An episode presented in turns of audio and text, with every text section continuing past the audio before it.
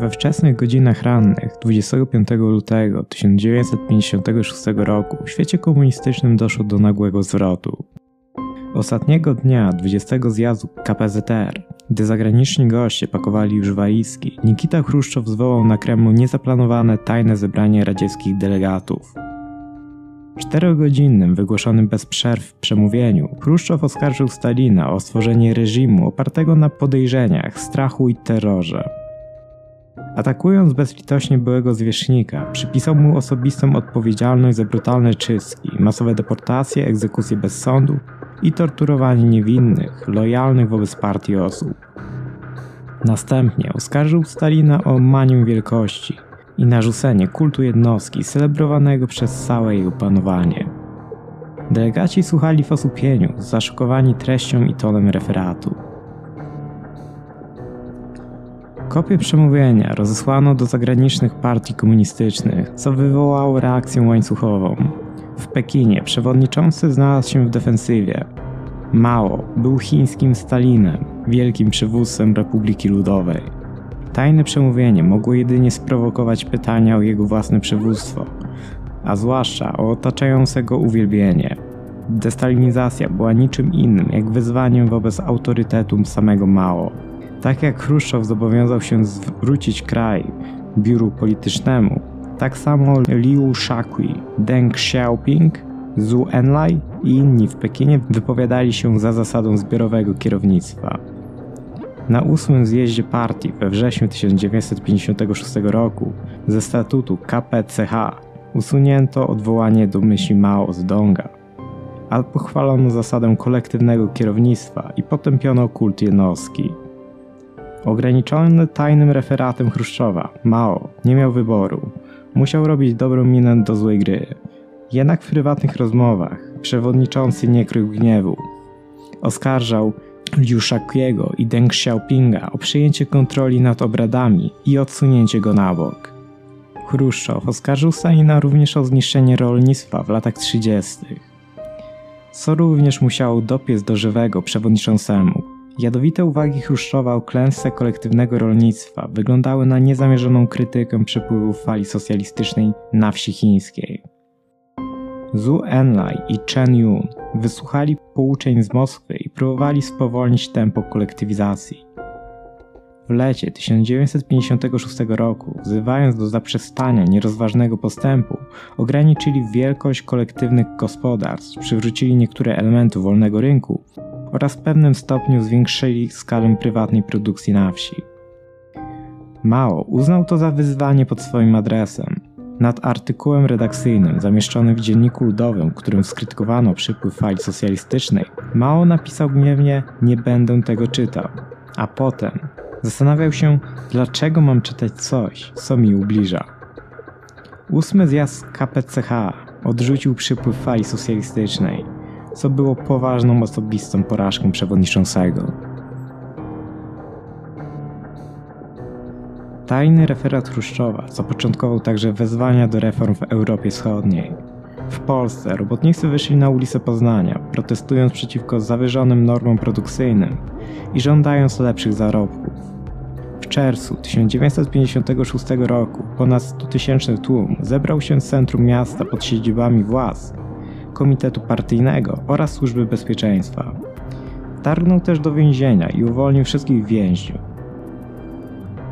Budynek Komitetu Partyjnego splądrowano. Wezwane wojsko wkroczyło z czołgami, wozami pancernymi i dziełami oraz ponad dziesięcioma tysiącami żołnierzy. W wyniku ostrzału zginęło blisko 100 demonstrantów, a wielu więcej zostało rannych. Jednak Polska Zjednoczona Partia Robotnicza pod nowym kierownictwem Władysława Gomułki wkrótce postawiła na pojednanie. Podniosła płace i obiecała inne reformy polityczne i gospodarcze.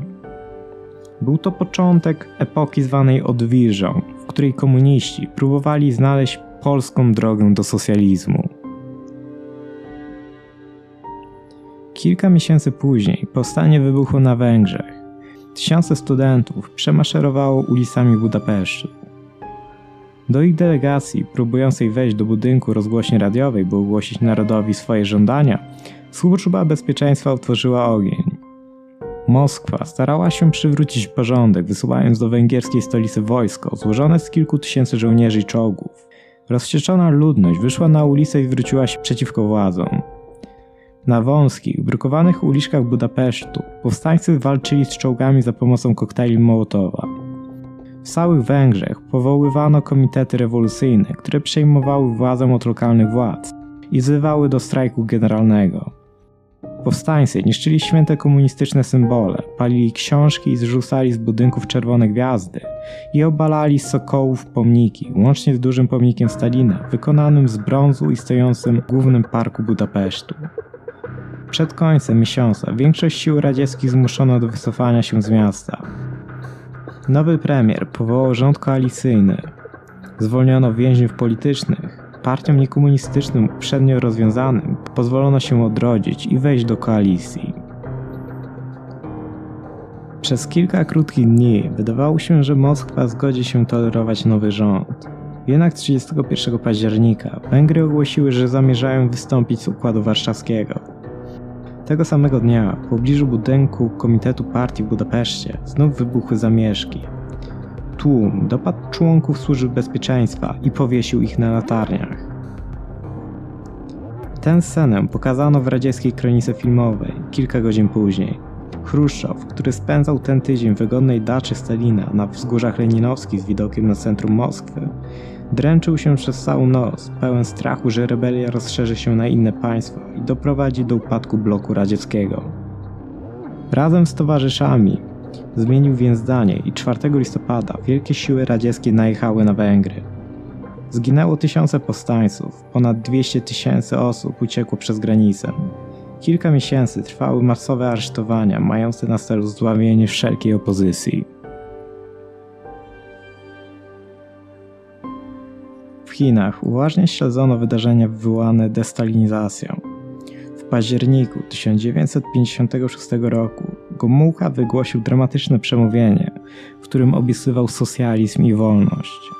W Pekinie opublikowano pełny tekst jego wystąpienia. Gomułka twierdzał tam m.in., że produkcja państwowych gospodarstw rolnych w Polsce jest znacznie niższa niż gospodarstw prywatnych jednak dla wielu czytelników w Chinach prawdziwą bombą były uwagi Gomułki na temat Związku Radzieckiego. Polska wpadła w długi, zmuszono ją bowiem do taniego eksportu do Związku Radzieckiego i kosztownego importu. Wyglądało na to, że Rosjanie są winni imperialistycznego wyzysku. Chwili, gdy spekulacje na temat sytuacji w Polsce sięgnęły szczytu, nadeszły wieści o powstaniu węgierskim, wywołujące w Chinach jeszcze większe poruszenie. Ludzie masowo zaczęli kupować gazety z własnej nieprzymuszonej woli, gdzie doszukiwali się informacji zawartej pomiędzy wierszami o tym, jak wygląda sytuacja na Węgrzech. Robotnicy zaczęli powoływać się na przykład Węgier w aktach sprzeciwu wobec państwa. Niezadowoleni ludzie ze wszystkich warstw społecznych zaczęli wychodzić na ulicę. Mieli dosyć. Strajkowali, demonstrowali lub składali do rządu petycje na różne tematy. W całym kraju uczniowie bojkotowali lekcje w szkołach, a studenci na uczelniach. W Nankińskim Instytucie Aeronautyki i Astronautyki na jesieni 1956 roku ponad 3000 studentów strajkowało przez cały miesiąc leżącym kilka ulic dalej, na Nikińskim Uniwersytecie Pedagogicznym, doszło do zaostrzenia sytuacji, gdy Urząd Bezpieczeństwa Publicznego zaczął chronić sześciu studentów winnych pobicia młodego człowieka, który przypadkowo na nich wpadł. Wkrótce z kampusu usłyszano żądania sprawiedliwości, Policja groziła aresztowaniem demonstrantów za podżeganie do buntu, w wyniku czego 480 studentów zgromadziło się przed siedzibą burmistrza, wykrzykując hasła popierające demokrację i prawa człowieka. Jednak nie tylko Nankinem wstrząsnęły zamieszki. Póki archiwa nie zostaną w pełni otwarte, nie sposób poznać zakresu studenckich protestów. Ale w jednym tylko mieście, średniej wielkości, robotnicy i studenci składali żądania lub strajkowali aż 40-krotnie początkach 1957 roku w całym kraju burzyło się ponad 10 tysięcy studentów.